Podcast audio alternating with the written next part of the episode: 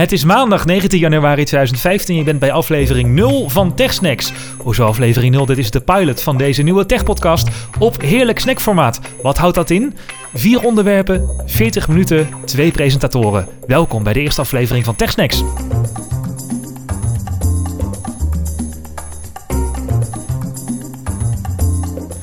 Zo, zullen we meteen maar beginnen, Maarten? Of is het misschien handig om ons eerst even, onszelf even voor te stellen? Laten we dat maar doen, hè? Ja, laten we ons maar even voorstellen. Ja, uh, de nieuwe tech-podcast op het internet genaamd Tech Snacks. En zullen we dan elkaar voorstellen, Maarten? Dat is misschien wel leuk. Oh ja, dat is, uh, dat is wel lachen. Nou, de stem die jullie uh, daar zojuist hoorden was van Raymond Mens. Hij is redacteur Apple Watcher bij One More Thing, de grootste Apple community van Nederland. En um, heeft daarbij een grote voorliefde voor tech en alles wat met eentjes en nulletjes te maken heeft. Maar het moet er wel mooi uitzien. En wat voor iPhone heb ik? Oh ja, hij heeft nog steeds de iPhone 5S. Um, en daar pronkt hij mee, uh, zo trots als een pauw. Want hij vindt de 6 nog steeds te groot. En ik volg hem daar niet in. Nee, precies. Nou, tegenover mij zit Maarten van Woerkom, is freelance redacteur bij One More Thing. En iedere weekend schrijft hij een game review, namelijk het Game Weekend. Maar dat niet alleen. Hij studeert ook uh, HBO verpleegkunde, is de bezitter van een trotse iPhone 6. Maar wist je dat hij ook een Surface tablet heeft? Oeh. Werkte ooit bij Dixons en verkocht daar vooral Apple-producten, maar zit nu uh, vooral als uh, co-host tegenover mij in de TechSnacks podcast. Jazeker. Ik vind het mooi. Hartstikke leuk. Nou, het, principe maar, van de, het principe van de TechSnack podcast, de TechSnacks podcast is heel simpel. Vier onderwerpen, 40 minuten. En als we nog een klein beetje tijd over hebben, doen we misschien ook nog een appje en een gamepje. Maar dat hangt er helemaal vanaf. En dit is de allereerste aflevering. Ja, en de pilot. Dit noemen we dan de pilot inderdaad. Een mooie term. Zeker. Nou, dan is het tijd voor het eerste onderwerp. En dat vind ik meteen toch wel een beetje een triest onderwerp. Mm -hmm. Want het is een technologie die er niet lang meer zal zijn. Sinds vandaag is namelijk het Google Glass Explorer programma gestopt. Dat was, oh. uh, ja... Jammer ooit door Google geïntroduceerd uh, met heel veel bombarie tijdens uh, Google I.O. in 2012. En toen wilde eigenlijk iedereen een Google Glass. Heb jij ja. eens opgehad? Nee, ik heb hem nooit opgehad. Um, ik had wel de mogelijkheid. Um, ik vond het geen heel spannend uh, apparaat. En um, ze hebben hem niet voor mensen waarvan het rechteroog niet werkt. Want dat oh, is ja, in mijn tuurlijk. geval zo. En ik heb er een nodig voor mijn linkeroog, want mijn rechteroog doet het niet goed. En uh, ik kan dus helemaal niks met een Google Glass. Valt weinig te, te, te exploren voor mij in het, uh, in het Explorer-programma. Ja, ik heb hem ooit op een uh, Bright Day opgehad, een technologiedagje. Ja? En toen heb ik hem letterlijk alleen opgehaald om te voelen hoe die zat, want de mm -hmm. accu was leeg. Want iedereen wilde oh, ja. het ding te doen en hij had geen kans om op te laden. Maar goed, ja. uh, vorige week dus aangekondigd, vorige week vrijdag, dat Google Glass in zijn huidige vorm gaat stoppen. En vandaag is het uh, Explorer-programma ook stopgezet. En uh, er is ook nog wel een personeelswijziging bij Glass, want de voormalige iPod-vader Tony Fadell, ja, die gaat ja, nu Google Glass rijden. Maar dat, dat betekent dus dat ze dus wel uh, het Explorer-programma uh, stoppen. Hè? Dus de, de publieke beta eigenlijk, kunnen we zeggen. Maar ja. um, dat uh, de ontwikkeling dus zeker niet stopt. Nee, ze gaan nu proberen een glas te maken die uh, eruit ziet als een gewone bril. Dus de technologie nog kleiner maken. En dan de Google Glass 2. Want Google is er wel van overtuigd dat ze uh, goud in handen hebben, zou ja, ik maar en, zeggen. En dat, dat vind ik dus wel bijzonder eigenlijk. Want dan vraag ik me af, um, waar heeft Google nou eigenlijk uh, die Google Glass op, op getarget? Hè? Um, de, er werd altijd gezegd, van, ja, het is geen consumentenproduct. Het is, een, het, het, het is voor, voor specifieke doeleinden. Ik kan mezelf echt hele gave toepassingen indenken in de gezondheidszorg. Um, nou ja, denk maar aan de, de operatiekamer, waar, waar live informatie over, um, uh, over de operatie uh, het oog binnen kan waaien op deze ja, dat manier. Gaan ze ook, dat gaan ze ook wel voortzetten, want het Glass for Work programma dat stopt niet. Oké, okay, dus dat gaat door. Dus dat ja, gaat dat, wel door. Maar goed, hoe belangrijk is uh, de, de esthetiek binnen een operatiekamer? Ik bedoel, dat, ja. dat de arts tegenover je zit uh, en dat hij een normale bril moet hebben en geen glasshole is. Um, dat, dat is inderdaad belangrijk. Um, maar dan, dan wordt eigenlijk uh, de Google Glass een, een, een product line-up met meerdere producten. Ja, en daarmee loop je eigenlijk ook al vooruit op wat ik wilde gaan zeggen, inderdaad. Uh, sociaal was het niet heel erg geaccepteerd. Mensen waren vaak uh, uh, bang voor een privacy, dat je zomaar foto's ja. kon uh, ja. maken. En toen ontstond het onderwerp glasshole. Ja. Maar mocht je nou denken dat wij als uh, gewone stervelingen, zal ik maar zeggen, de enige zijn die uh, moeite hebben met Google Glass? Nee, dat is niet zo. ook stond vandaag uh, op internet dat Phil Schiller, die heeft ook ooit met iemand, hè, de marketingbaas van Apple, zal ik maar mm -hmm. zeggen, die man met die altijd iets te strakke polo ja. en iets te grote buik. Ja. die zei vandaag over Google Glass. Ja. Ik kan me niet voorstellen dat mensen daar serieus mee willen gaan lopen en dat het ooit een uh, mainstream product wordt. En hij vond het vooral grappig. Een grappig dingetje, maar niet ja. echt iets serieus. Nou ja, dat, daar kan ik hem wel in volgen, zeker in deze vorm. Um, ook als ik mensen ermee mee zag lopen dan op zo'n Bright Day, uh, inderdaad, waar nou ja, toch wel wat, wat uh, tech-geeks rondliepen die um, met zo'n glas opliepen. Ja, het, het is toch een raar gezicht. Mensen zijn met andere dingen bezig. Het is een beetje, het, het gevoel wat ik erbij kreeg, is een beetje hetzelfde gevoel als dat je een gesprek aan het voeren bent. Um, mm-hmm. Terwijl iemand ondertussen aan het whatsappen is uh, op zijn telefoon. Ja, dat precies. Is, dat is zeg maar voor mij het Google Glass gevoel. He, als het ik Google met, Glass gevoel. Het Google, als ik met iemand uh, praat die een Google Glass op heeft, dan denk ik altijd van ja, maar wat ben je eigenlijk met je ogen aan het doen? Weet je wel? Mm-hmm. Als, je, uh, als je mij niet recht aankijkt, maar even snel uh, schuin naar boven. Want ik kan me niet voorstellen dat iedereen die een Google Glass heeft, um, de verleiding kan weerstaan om um, gewoon even een uur niet op dat ding te kijken. Ik bedoel, hij zit er altijd. Ja, als de accu leeg is. Ja, als de, als de accu Want dat was ook wel het ja. probleem, hè? Uh, de accu die was niet al te best. Je kon hem een uh, half uur opheppen of zo en dan was hij wel leeg of een half uur gebruiken. En het was allemaal nog uh, wat problematisch. Um, ja.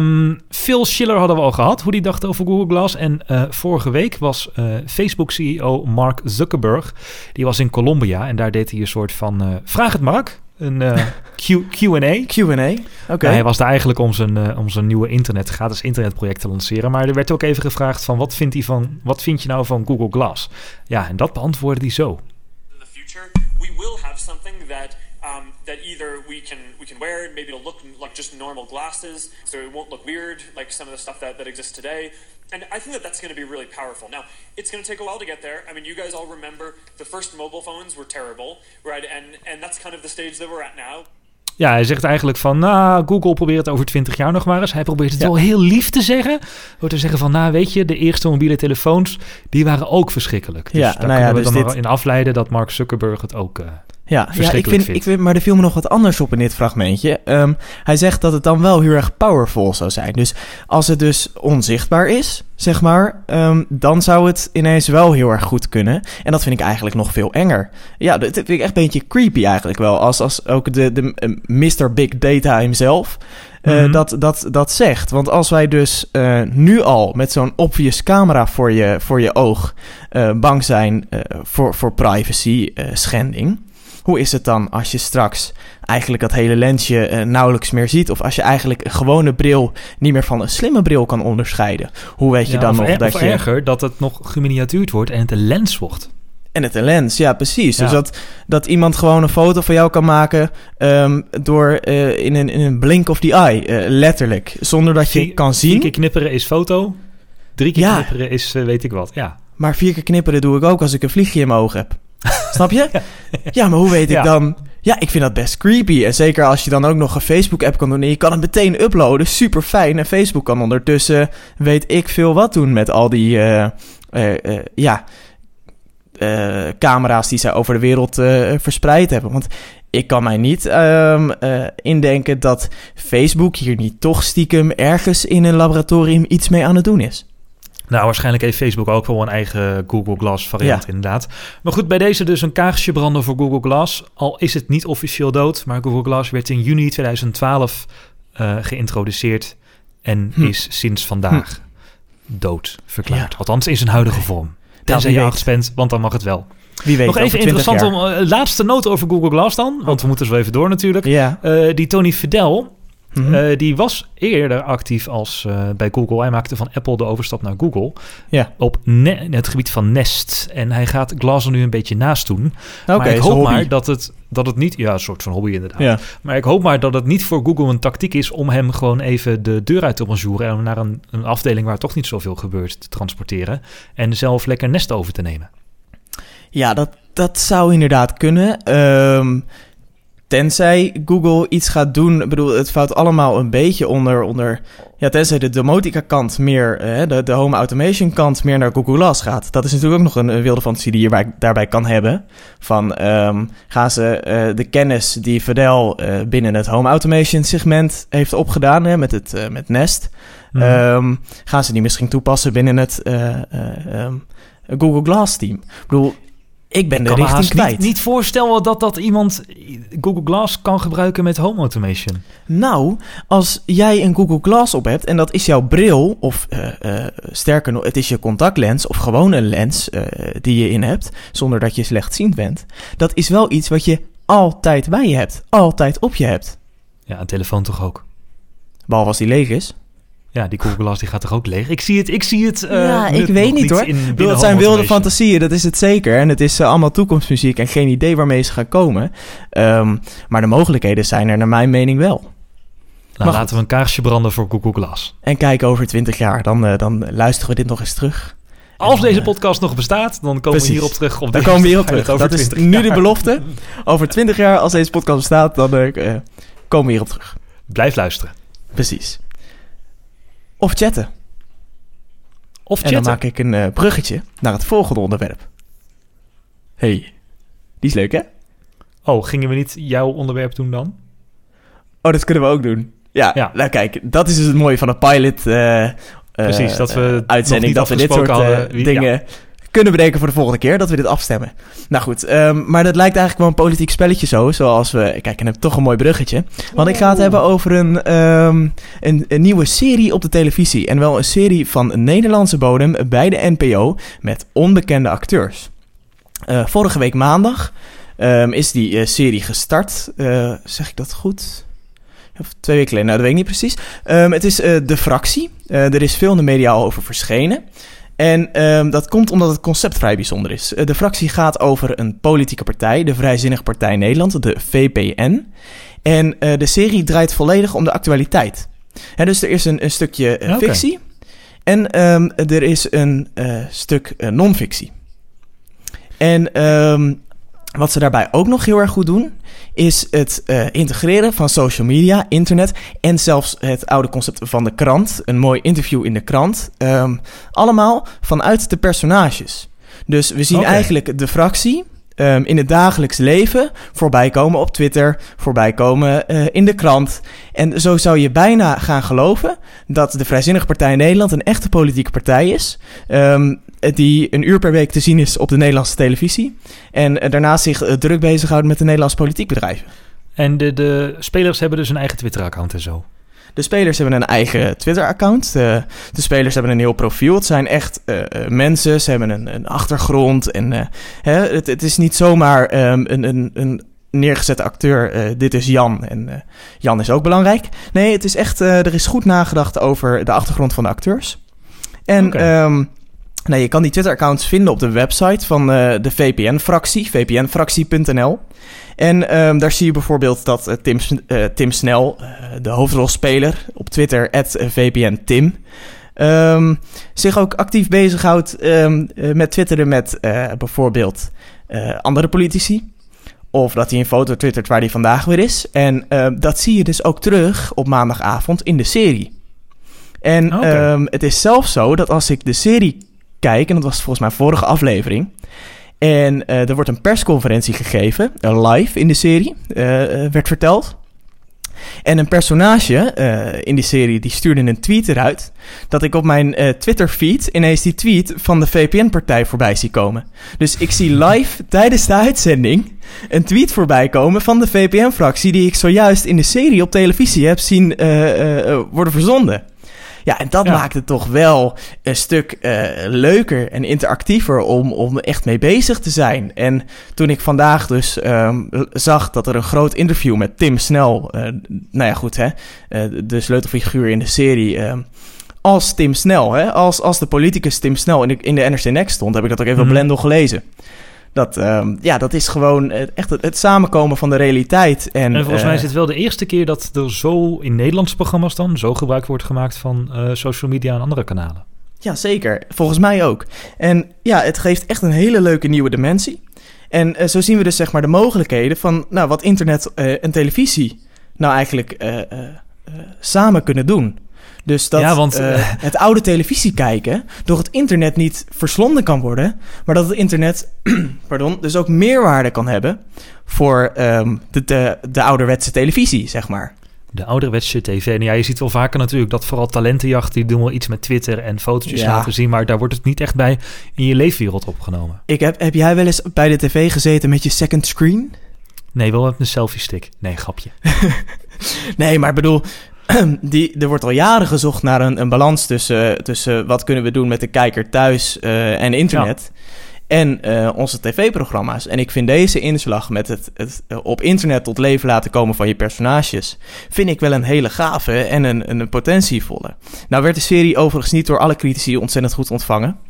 Ehm, maar ja, het is een Nederlandse serie, hè? Dan heb je het is een Nederlandse serie, maar het is natuurlijk, dat is het lastige van het concept. Zij moeten ergens inschalen eh, van eh, hoe gaan we het nieuws eh, in onze politiek drama zetten, zeg maar. Dus ehm, een voorbeeld bij de vorige uitzending was net de aanslag van Charlie Hebdo geweest. Mhm. Ehm, de verschrikkelijke aanslag in Parijs. En ehm, dat hebben ze dus wel al verwerkt in de serie. Maar dat vereist eh, ook een hele andere aanpak van eh opnemen. Want normaal wordt, wordt zo'n serie inderdaad gewoon lekker opgenomen. Daar wordt een beetje Ja. uitgesmeerd en dan zijn ze seizoen klaar. Nee, dus dat wordt ook echt, eh, echt eh, ja, te- telkens opnieuw opgenomen. Of nou ja, opnieuw, hè, de uitzendingen worden op de actualiteit geschreven. Alleen zag je dat Politiek Den Haag in de serie wel erg anders reageerde op de ramp in Parijs. Dan dat de echte, het echte Politieke Den Haag reageerde. Ja, en dat zijn nog wel leerpunten voor de scriptschrijvers. Dat je denkt van, nou, als je het echt realistisch wil houden, dan... eh, maar ja, goed, ik weet niet hoe ingewikkeld dat is om te kunnen voorspellen wat Politiek Haag gaat doen. Nee, er staat dan toch een clash met de, de werkelijkheid natuurlijk. Ehm ze willen, ik zie de kernpunten van het partijprogramma op de website. Mhm. Eh, ze willen de inkomstenbelasting afschaffen. En eh, Groningen ontruimen, dat is nu de rel, zeg maar. Oké. Ik weet niet, dat staat, staat volgens mij haaks op het partijprogramma. Maar ehm, het gaat, eh, de vorige uitzending ehm, ging over eh, dat de kinderopvang eh, gratis moest worden voor iedereen. Maar we zitten natuurlijk ook met een gasprobleem en het geld moet ergens vandaan komen. Ja.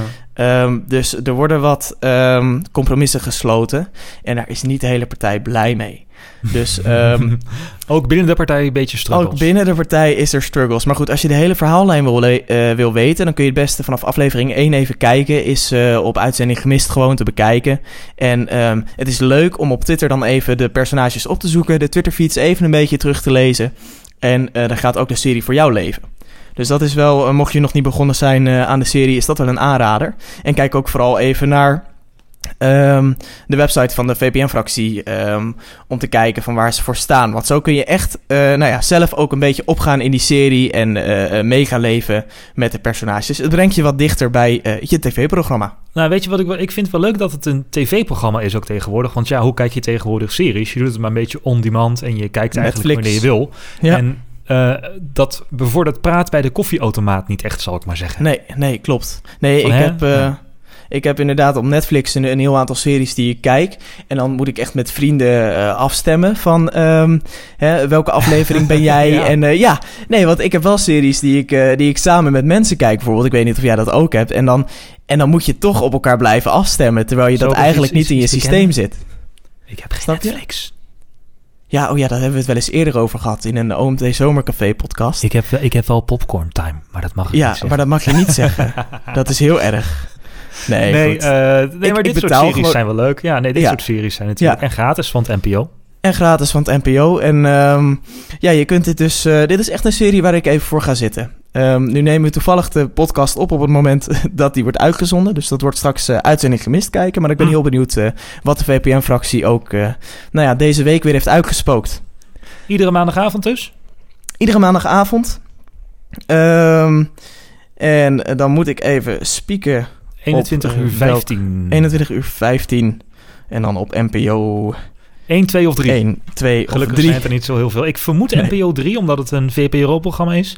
En de VPRO nog wel veel experimentele dingen, wat dit toch wel een beetje Ja. is. Ja. Op, ja, het is eh, zeker experimenteel. Zeker. Op NPO 3. Zeker. Maar wel leuk. Ook de VPRO doet dat de laatste tijd wel vaker. Ook eh, zondag met Lubach was experimenteel. Ja, er wordt, eh, de, de NPO zoekt een, eh, een nieuwe weg. En ehm, de VPRO is daar zeker een voorvechter van. Dus eh, dan eh, De VPN-fractie. de VPN, ja, vpnfractie.nl. Daar vind je alles over eh, dit programma en over de Vrijzinnige Partij Nederland. Nou, de technerds die kunnen het onthouden als in virtueel private network fractie. Maar daar staat het natuurlijk niet voor. Daar staat het niet voor. Ehm, Wel privacy, privacy gevoelig natuurlijk, virtueel privacy network. Want de NSA heeft die shit allemaal al lang gekraakt. Maar daar gingen we het niet over hebben. We gingen het Nee. over iets heel anders hebben wat ook wel een beetje met privacy te maken heeft. Namelijk over Snapchat. Ja, ja, dat is eh, ooit begonnen als een. eh, ja, wat was het? Toen, toen was het voor sexting volgens mij bedacht. Eh, Ja, dat precies. je een eh, blootfoto kon sturen eh, naar degene die je vond dat hij mocht ontvangen, maar alleen voor 10 seconden. En ehm, Ja, dat, dat, daar werd het inderdaad vooral voor gebruikt. Volgens mij was het daar niet voor gemaakt, maar effectief kwam het Oh. gebruik daarop neer. oké. Nou goed, dat was Snapchat in het begin. Gebruik jij het, Ehm, Snapchat? Nee, nee. Nee? Ik, nee, ik heb dat. jij bent van de een keer- Snapchat-generatie. Ja, dat schijnt. Nee, maar ik heb dat ooit een keer gedownload. En ehm, ik, eh, ik weet niet zo goed. Een, een maffe foto van mezelf voor vijf seconden die iemand anders sturen. Ik zie die meerwaarde er niet zo van. Nee. Nee, Maar dat, het ehm, gebruik van Snapchat is wel aan het evalueren, want het wordt ook gewoon steeds meer als chat-app gebruikt. Want je kunt ook een Ja. tekst over Ja. een foto plaatsen, dus je kunt ook makkelijk even laten zien van, goh, waar ben je? En vandaag in het nieuws een onderzoekje van eh, Telecom Paper, eigen onderzoek Mhm. onder 10.000 Nederlandse representatieve smartphonegebruikers, Oké. dat Snapchat de snelst groeiende chat-app van Nederland is. Groeit sneller dan WhatsApp, Zo. Zo. sneller dan Skype en sneller dan Telegram. En ehm, Snapchat is nu wel eh, de kleinste van de vier grote chat-apps... met 1,5 miljoen unieke eh, actieve gebruikers. Skype heeft 2,9 miljoen actieve gebruikers. Facebook Messenger 4,4 miljoen. En WhatsApp is nog steeds koning in Nederland... met 9,4 miljoen Ja. Actieve gebruikers. Nou ja, dat gebruik ik ook eh, zelf heel erg veel. Ik gebruik Snapchat eh, dus niet. Maar WhatsApp is voor mij, eh, ja, voor, ehm, vooral omdat iedereen het heeft. En, ja, dat is wel zo, ehm, hè? Het is, het, ik gebruik eigenlijk het meeste de groepsgesprekken. Ehm, Hm. Zowel voor mijn studie als met vriendengroepen. Het is gewoon ontzettend makkelijk om op die manier even wat te kunnen afstemmen. Nou, het gebruik van Snapchat is het afgelopen jaar verdubbeld in Zo. December 2013, 670.000 actieve gebruikers volgens Telecom Paper. December dat- 2014, vorige maand, 1,5 miljoen bijna. Ja, ja, ja. Nou, maar dat is denk ik dan ook ehm, eh, wat we net zeiden over WhatsApp. Dat hoe meer mensen erop zitten, hoe aantrekkelijker het wordt om het ehm, eh, te gaan gebruiken. Ja. Ehm, dat is en WhatsApp eh, groeide de maar met crux 18% van, het afgelopen jaar. Oké. Ja, dus maar eh, Snapchat groeit wel harder. Maar of ze natuurlijk ook naar die 9,4 miljoen Nederlanders eh gaan, is, dat natuurlijk precies? de vraag. maar en is dat, WhatsApp is dat heeft verder een niet te klagen. verzadiging van WhatsApp dan? Heeft, Nou ja. de, de smartphone-gebruikers nu WhatsApp op hun telefoon... en als je het eenmaal gedownload hebt, dan download je het niet opnieuw, zeg maar. Of als je Nou, het gebruikt, dan... ehm, ja, dan, dan blijf je het ook wel gebruiken, volgens mij. ja, en groei is ook een beetje exponentieel. Hè? Eh, In Ja. het begin groei je heel hard en daarna Precies. vlakt de dingen een beetje, vlakt de Ja. curve een beetje af. Dus ik vermoed dat Ja. Snapchat daar nu in zit. Maar er is nu één persoon op de wereld die dit bericht heeft gelezen. En ik weet dat hij het heeft gedaan, want hij volgt alles rondom Snapchat. En dat is Mhm. de eh, beruchte Facebook-CEO Mark Zuckerberg. Daar hebben we Ah, weer. daar is die weer. Zuckie Zuckie. Ehm, die heeft eh, vorig jaar geprobeerd om Snapchat te kopen. Oh, echt? Voor eh 3 miljard. Maar hij vond Instagram toch leuker. Nou ja, dat had hij al. En toen dacht Oh, hij, nou, dan doen we ja. Snapchat er ook nog even bij. Ja. Maar dat hebben ze afgeslagen, dat bot. Heel dapper. De CEO van Snapchat is 23 jaar. Zo. En die, waar? heeft dus, ja, en die heeft dus een bot van 3 miljard dollar afgeslagen. Want die dacht, Zuckie, we gaan je pakken. Oké, je nou, die heeft wel een cursusje zelfbeheersing gehad eh, dan.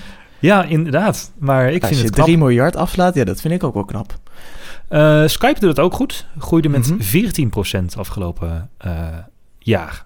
Oké, voor een Microsoft-dienst. Op mobiel dan, hè? Dus dat is niet slecht. Maar wat me dan wel weer zorgen baart... is dat de hele Nederlandse chatmarkt ongeveer in handen van Facebook is. Want Ja, populairst dat- is WhatsApp... en Mhm. 4,4 miljoen mensen hebben ook Facebook Messenger. Dus We hebben in, een, eh, ongeveer, in een eerdere ongeveer 14, podcast... 14 miljoen mensen in Nederland... Ja. hebben of WhatsApp of Facebook Messenger. Ja, dat is 14 miljoen, hè? In Nederland. Dus Dat Facebook zijn we, weet 17, het we zijn allemaal. 17, 17 miljoen mensen wonen er in Nederland. Ja, Facebook Dus- weet het allemaal. Ja, nou goed, we hebben dat in een eerdere podcast ook wel eens, eh, heb ik toen wel eens op een rijtje gezet. Als je dat leuk vindt om te weten, dan moet je even de OMT Zomercafés eh, terugluisteren van afgelopen zomer. Waarin ik een, een rijtje opnoem van wat eh, Facebook allemaal van mij weet. Ehm, en eigenlijk aan dat rijtje, daar zat uh, nou ja, mijn NAW-gegevens. Um, maar denk ook aan de vakanties uh, die, ik, waar, die ik heb gedaan. En um, nou ja, waar ik nu woon en dat soort dingen. Maar voeg daar ook nog eens bij alle informatie die ik deel via WhatsApp. Stel dat ze daarin mochten kijken. En doen ja, ze ik, ik weet niet of ze dat doen. Ja, ik, ik probeer maar te geloven van niet. Maar ik ben bang inderdaad dat alles bekeken wordt. Um, ik ben bang dat ik een vrij accuraat um, uh, dossier van mijn leven kan vinden in de datacenters van Facebook. Ja, nou, ik weet niet of jij er ook last van hebt gehad, maar het was in, uh, in mijn vriendenkring was het ineens een dingetje. Uh, dachten eerst, nou, Facebook en WhatsApp, joh, privacy, wat boeit mij het eigenlijk? Maar toen kregen ze ineens mensen met wie ze alleen op WhatsApp chatten, te zien in hun Facebook-account bij de mensen die je misschien, krijgt, die je misschien kent. Oh ja? Dus WhatsApp, WhatsApp had uh, uitgevonden dat zij met elkaar communiceerden en het telefoonnummer doorgezet naar Facebook. Als in, Oh, hè, met die uh, WhatsApp jij, dus die zul je wel kennen. Dus dan wil je misschien ook vrienden worden op Facebook. Zo, dat is best heftig. En uh, ja. Want dat, nee, dat, dat was ik me nog niet van bewust. Nee, dat dat zo Ah. actief um, wordt, wordt gecombineerd, zeg maar. Maar Nou ik vind het sowieso... ze zijn dus gegevens aan het uitwisselen tegenwoordig. Ja, nou goed, dat is. Um, ik moest laatst wel lachen om iemand uh, die vertelde mij dat um, hij op Facebook altijd zijn locatie uh, uit heeft staan, uh, Mhm. maar wel een fotokaart bijhield in Instagram. Ja. ja, ja. ja. Dat is toch allemaal van Facebook. Het is toch allemaal van Facebook. En um, ja, we kunnen er, er paranoia over doen. Aan de andere kant, um, het is wel allemaal gratis. En als je ziet hoeveel um, uh, plezier en hoeveel gemak mensen hebben van uh, diensten als WhatsApp, Facebook, Instagram. Um, als ze dat, als ze al die, die big data um, uh, uh, en al die advertenties, als ze dat eruit zouden gooien, dan ben ik eigenlijk wel heel erg benieuwd wat het allemaal zou kosten om dit te kunnen faciliteren. Hè, ja, als, precies. als dat je gewoon moet betalen voor Facebook. Ja, maar als ik, als ik zou moeten gebruiken voor het pakket Facebook, Instagram en WhatsApp, wat zou ik dan kwijt zijn als gebruiker? Volgens mij kost dat namelijk best wel heel erg veel en moet ik dus ook ergens mee gaan betalen. En dan betaal ja. ik dus, in plaats van met geld, met gegevens over mezelf. En dan kan ik daar heel erg boos over doen. Aan de andere kant kan ik ook denken van ja, uh, leuk en aardig.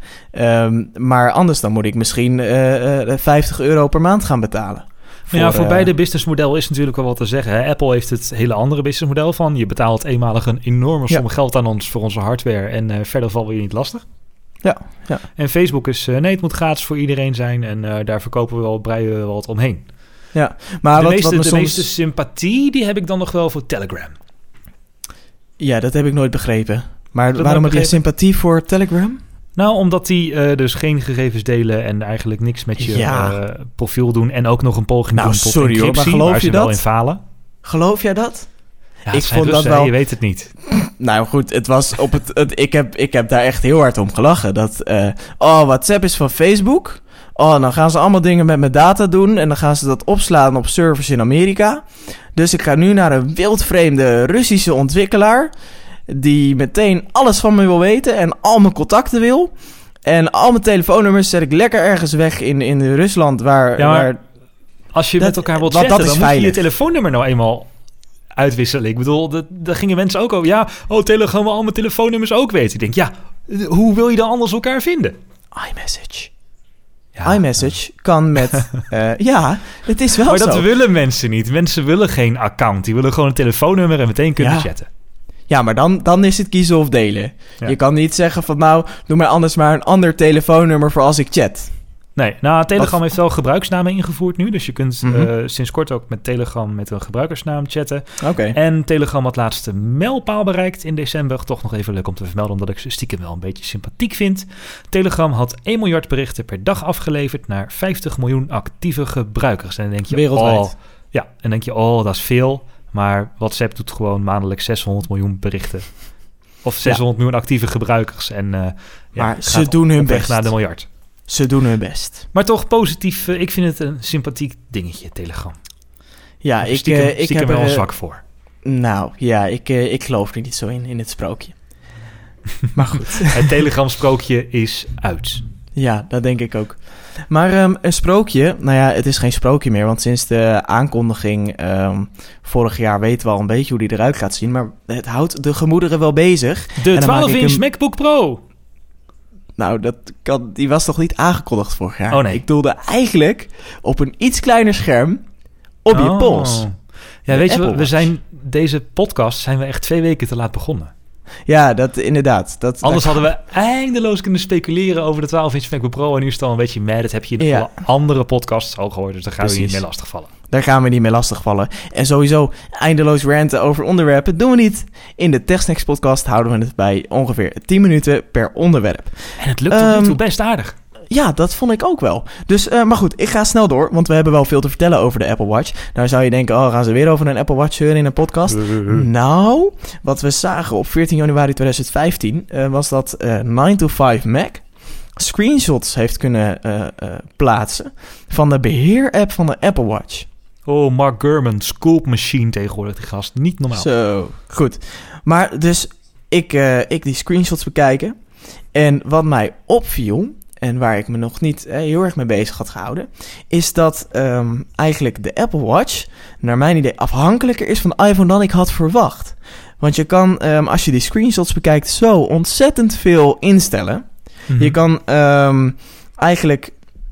En, en daarbij wordt ook dus eh, met, met wat je kan instellen vanaf je iPhone, dat daar is op zich niks mis mee. Maar wat ik las daarbij is dat die instellingen dus niet aan te passen zijn op de Apple Watch zelf.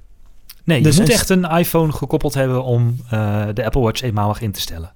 Dus, dus echt lekker standalone gebruiken van de Apple Watch, dat zit er niet echt in. Maar is dat een probleem dan? Is dat een dingetje?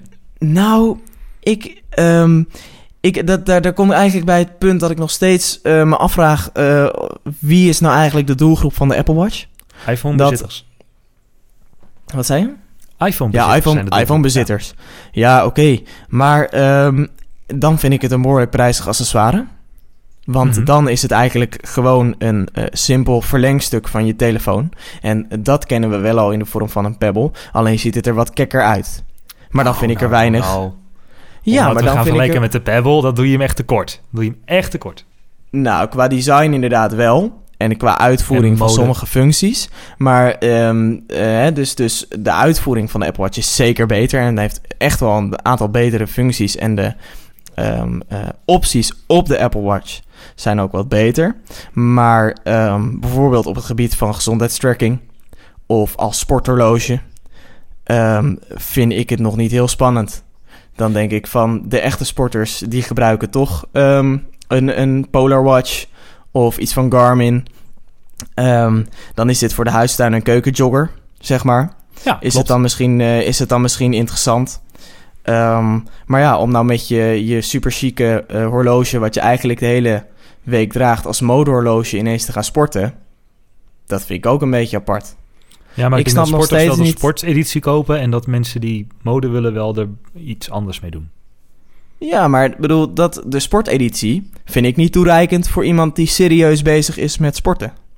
Of die moet volledig app-based sporten. Maar je ziet dat veel mensen toch hè, op de ehm, eh, betrouwbare producten van bijvoorbeeld, ik noemde het al, Polar, eh, eh, vertrouwen. Omdat die data die die eh, apparaten vergaren eh, gewoon ontzettend eh, eh, goed is. Ehm, die, daar zijn hele programma's op geschreven online om je, je trainingen en je verbrandingen en je statistieken bij te houden. En nou doet, ehm, en daar, daar vind ik wel dat er een verschil zit tussen sporttracking en, en eigenlijk eh, health tracking, hè, het, het tellen van je stappen. En het, het, het daadwerkelijk functioneren als een sporthorloge. Ik vind de Apple Watch, hè, wat ik er nu van heb gezien, vind ik niet echt een sporthorloge. Nee, het is vooral voor de eh, gebruiker die een beetje casual wil sporten. Want je kunt wel zeggen van, hè, herinner me om te gaan staan. Herinner me eens hoeveel ik heb gelopen. En Ja, doe me elke week ja. ook een pushje van hoeveel eh, stappen ik heb gezet en of ik het heb gehaald. Ja, maar ik bedoel, als ik een horloge als modehorloge draag, dan wil ik daar een, een mooie band om. En ehm, dan wil ik dat er, dan zou ik niet met een zo'n aluminium eh, eh, case eh, willen lopen. ehm, eh, als, als modehorloge, zeg maar. Hm. Ik zal sowieso de Apple Watch niet kopen. Ik ben er wat sceptisch over. En het is voor mij niet praktisch, gezien mijn werk. Maar ehm, Ja, ik weet niet. Ik vind het nog een heel mager product. Ik denk dat het daar eigenlijk op neerkomt. En ook als ik deze screenshot zo zie, dan denk ik van... nou, er wordt toch wel weer heel erg veel functionaliteit naar de iPhone getrokken. Ja, Waarvan het is ik eigenlijk, gewoon een, een AirPlay-scherm wat je iPhone een nou, beetje relate. dat is precies wat ik bedoel eigenlijk. Ik denk van, nou, ik had daar Maar wat dat erg meer als jij, een van pannenkoek, als jij een pannenkoek van een 6S in je broekzak, een 6 Plus in je broekzak hebt, dan is het best wel fijn om even dat berichtje op je pols te lezen, toch? Ja, ehm, mijn ervaring is dat ik toch wel mijn telefoon even uit mijn zak hou. En dan heb ik geen 6 Plus, maar een 6. Ik heb natuurlijk wel een tijd met die Pebble rondgelopen. Ehm, het enige praktische wat ik ervan vond, is dat ik ehm, op de fiets even snel kon kijken eh, wie mij een berichtje stuurde. Om het dan vervolgens later weer goed te gaan lezen. Hmm. Als jij een berichtje leest, ehm, ik wil graag vaak snel reageren op een berichtje. Zeker als mij een vraag wordt gesteld of zo. Ja, maar Ehm, dan kun je mijn met ervaring... gewoon even audiodictatie doen. Yo, goed man. Yo, Ja, wat, wat is dan, de, wat is dan de, de, de situatie? Dat, dat stel ik me dan zo voor. Dan zit je dus op de fiets. En Oké, je, je, zit van, bij, hey, je zit bij een eetclub. Niet dat je dat zit, maar stel, je zit bij een eetclub. Ik zit bij een en, e-club. en iemand die vraagt, eh, die vraagt nu aan jou, terwijl je op de fiets zit... eh, willen jullie vanavond sushi of willen jullie vanavond eh, een afhaalchineesje? Dus een, eh, een, Ja. eh, een rijsttafel of gewoon sushi. Nou, Ja. als, jij dat, als je op je fiets zit, dan moet je eerst je hele eh, iPhone 6 pannenkoek uit je zak halen... Dan de Messages app openen. Dan het bericht intypen. Dan lig je lang onder de auto. Op je Apple Watch zeg je even... Oh ja, nee, ja, eh, even dicteren. eh, doe mij maar pannenkoeken. Ah, ik, ik denk dat dat net wat... Ik bedoel, op de fiets in Nederland, dat gaat altijd van... Ja, doe uh, Chinees. En dan, eh, terwijl je fietst en de, de, de, de wind in, je, in, de, in de microfoon van je Apple Watch blaast... eh, bestel, je, bestel je toch boerenkool met worst. Nee, hij zet het onder tekst. Nou, Nee, wat, wat, wat mij vooral aan die Apple Watch eh, app opviel... is dat hij toch wel behoorlijk eh, divers is. Hè? Apple noemt het zelf the most personal device ever. En dat eh, zie je in de app ook wel een beetje terug. Want je kunt zeggen van... nou, doe mij maar helemaal geen stand reminders... helemaal geen fitness tracking... zet die heart rate meter maar uit... en doe maar alleen maar notificaties. En dan ook nog alleen notificaties van deze 1, 2, 3 mensen. Nee, het is, het is leuk te tweaken, dat zeker. Daar ben ik het helemaal mee eens. En dat is ook een functionaliteit die de Apple Watch echt veel meer heeft dan, dan de bestaande Ook wel een smartwatches beetje on met, eh, Apples iOS. natuurlijk. Om Ja, allemaal te laten Ja. tweaken. En, dus- en meestal zegt Apple... ja, dit is goed voor je en eh, dit Ja. doe je maar. ja, dus dan kun je zeg maar de Apple, no- of de Apple Watch nog minder nuttig maken voor jezelf. En wat, wat ik ook...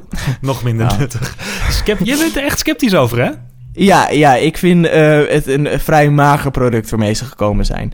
Ehm, als je zelfs niet het homescreen op je Apple Watch kan ehm, eh, eh, veranderen, dan denk ik van ja, ja, is dit nou wel wat we willen? Maar goed, als ik hem in handen heb gehad, misschien, d- daar komen we er nog wel even op terug. En misschien, Shut up and take my money. Zo'n momentje heb je dan. ja, dat weet ik ook niet. Ik moet. Eh, nou, la- laten, we, laten we de Apple Watch... eh, Laten we hem afwachten Laten dan. we het over een half jaar nog eens... Laten we er over een half jaar nog eens over terugkomen. Ja, of na de release dat we, dat we er nog eens op terugkomen. Dat is, ik eh, ga kijken of ik 180 graden gedraaid ben ehm, met mijn mening. Maar voor nu ben ik vrij sceptisch erover. Oké, we hebben nog twee minuten tot 40 minuten. En ik vind dat we nog even een appje en een gamepje kunnen beantwoorden. Of behandelen. Want eh, twee minuten vullen, dat lukt nog wel. En eh, ik vind het niet erg om de eerste, eh, de eerste uitzending 41 minuten te maken. Maar volgende keer straks 40 minuten. Ik heb een app, jij hebt een game. Ja. En mijn app is kort. Die is namelijk Allcast. En Allcast. dat is Allcast. Dat is voor mensen die een iPhone hebben. Maar Mhm. bijvoorbeeld een Xbox of een, een eh, DNLA streamapparaat. Maar geen Ja. Apple TV. Want met Allcast kun je namelijk niet alleen naar de Apple TV streamen. Maar ook naar de Chromecast, de Fire TV, de Xbox Ah. 360, de Xbox One. En Oké. et cetera. Oké, dus dat dus is is een eigenlijk soort van eh, de brug. alles, in eh, één, alles in één oplossing voor je streaming. Oh, cool. En is die gratis? Eh Alcast, we gaan eens even kijken of die gratis is. Waarschijnlijk niet. Maar eh, ik heb er een vriend mee geholpen. Die zei, ja, ik heb zo'n Google TV-stick gekocht. Maar ik kan er eigenlijk niks mee, want mijn iPhone... Ik heb een iPhone. Toen zei ik, oh, nou, dan moet je even die app downloaden. Hij biedt aankopen vanuit de app. Hij is gratis om te proberen, met advertenties. En Mhm. voor 4,99 kun je alles afkopen, heb je alle functies. Oké. Nou, het maakt wel een mooi eh, alternatief dan van de eh Chromecast, heet die volgens mij, voor de Apple TV. Ja, en hij is heel toch, flexibel, eh, dus je kunt je Dropbox-account eraan hangen... in je Dropbox een eh, MKV-bestandje slepen... wat je geheel legaal hebt Oké, gedownload van een bepaalde site. En eh, dat zo afspelen. Dus het is heel flexibel. gekocht hebt, die film. Ja, nee, dat is... eh, Oké. Oh, dat is een mooie app inderdaad. Allcast. De link zetten we in de show notes. Uiteraard. Nou, dan, ehm, we hadden het net al even over spraakherkenning. En ehm, nou werd er twee weken geleden een game eh, gelanceerd. Hij heeft ook afgelopen weekend eh, in de Game eh, rubriek gestaan. Het heet een Mayday Deep Space. En dit is gamen met je stem. het is een game uit het storytelling genre. dus dat betekent dat de verhaallijn eigenlijk het belangrijkste is in het spel en vaak ook te beïnvloeden is. Uh, zo ook in uh, Mayday Deep Space. Um, het kent vier eindes en afhankelijk van jouw keuzes en jouw handelingen uh, krijg jij een ander einde te zien dan bijvoorbeeld een vriend of een vriendin die het spel ook speelt. En je het moet bijzondere, praten. Ja, het bijzondere van het spel is dat je er inderdaad uh, tegen moet praten. Je krijgt een mayday-oproep uh, van de USS uh, Appaloosa, een ruimteschip waar zich net een vreselijke ramp heeft afgespeeld. Um, jij moet die mayday-call moet jij gaan beantwoorden. En uh, jij krijgt um, een aantal uh, kaarten van dat schip op jouw communicator te zien. En jij moet jouw contact aan de andere kant gaan gidsen. Want er spelen zich verschrikkelijke dingen op dat ruimteschip af. En door goede instructies te geven met spraak, dus door te zeggen turn left, turn right or run. Run faster, run faster en stop now. Uh, kun jij um, het leven redden van de persoon aan de andere kant. Um, en wat zie jij van die andere persoon? Jij ziet uh, een kaart, uh, een groene kaart van het schip. En jij ziet een klein uh, blauw stipje en dat is de andere persoon. En de hindernissen die je onderweg tegenkomt, die zullen vanzelf op de kaart verschijnen. En ook de verschrikkelijke wezens aan boord zie je als rode stipjes op je kaart en die je te ontwijken. Um, dus je bent eigenlijk een soort van commando-centrum... wat alleen een stipje op een kaart ziet... waar je je ja, uh, superheld ja. naartoe moet uh, kijken. Zeker, zeker. Nou, geen superheld, dat wordt in het verhaal wel duidelijk. Okay. Um, het is echt een heel goed uh, verhaal. Het is goed geschreven. Het is ook van een, een, New York Times bestselling auteur. een robotechnicus... Um, die het leuk vond om daarover te schrijven. En uh, hij is ook nog gespecialiseerd in artificial intelligence. Daniel H. Wilson heet hij. En um, hij heeft het uh, verhaal geschreven. En daarbij is de game uh, ontwikkeld. Het is een aanrader. Het spel kost uh, 2,99. plug je oortjes in en um, pak een glas water. Want je staat de komende twee uur niet meer op. en ja, want je kan je echt in het spel verliezen. Space. Mayday Deep Space. Zeker. Jij gaat nou, er vanavond uh, nog even in verliezen. Of ga je uh, dat, die serie terugkijken? Ik, uh, ik ga de serie terugkijken. En ik moet bekennen dat ik mede Deep Space al heb uitgespeeld. Je hebt hem al gewoon uitgespeeld. Gamer ik is hij ook. Ik heb dus helemaal niks met games. Maar Maarten is wel wat uh, game-element in deze show. Die nu alweer aan zijn einde is gekomen. Want we moeten het wel op snackformaat houden. Zeker. Hey, uh, als luisteraar kun je natuurlijk reageren op de podcast. En dat kan door te mailen naar reactie.textnext.nl. Uh, maar je kunt ons ook via Twitter een berichtje sturen. En uiteraard ons volgen op Twitter. Ons Twitter-account is @textnextnl. En uh, wil je helemaal op de hoogte blijven, like ons dan op Facebook. Facebook.com slash techsnacks.nl Nee, facebook.com slash techsnacks. Zondag.nl. Facebook.com slash techsnacks. En um, dan uh, hoeven we, moeten we één iemand bedanken. En dat is Ben Sound voor de muzikale begeleiding van deze podcast. De mooie in- en outro. En um, dan wensen we jullie nog een uh, hele fijne dag. Volgende week zijn we er weer. Dan is er weer een nieuwe TechSnacks. Blijf snacken, want TechSnacken is gezond. Tot volgende week.